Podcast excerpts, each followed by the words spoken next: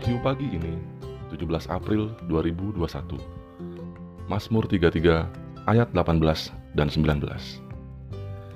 Sesungguhnya mata Tuhan tertuju kepada mereka yang takut akan Dia, kepada mereka yang berharap akan kasih setianya, untuk melepaskan jiwa mereka daripada maut dan memelihara hidup mereka pada saat kelaparan.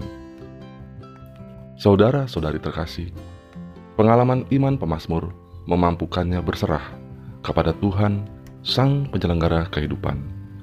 Bagaimana dengan Anda? Selamat pagi, Tuhan memberkati.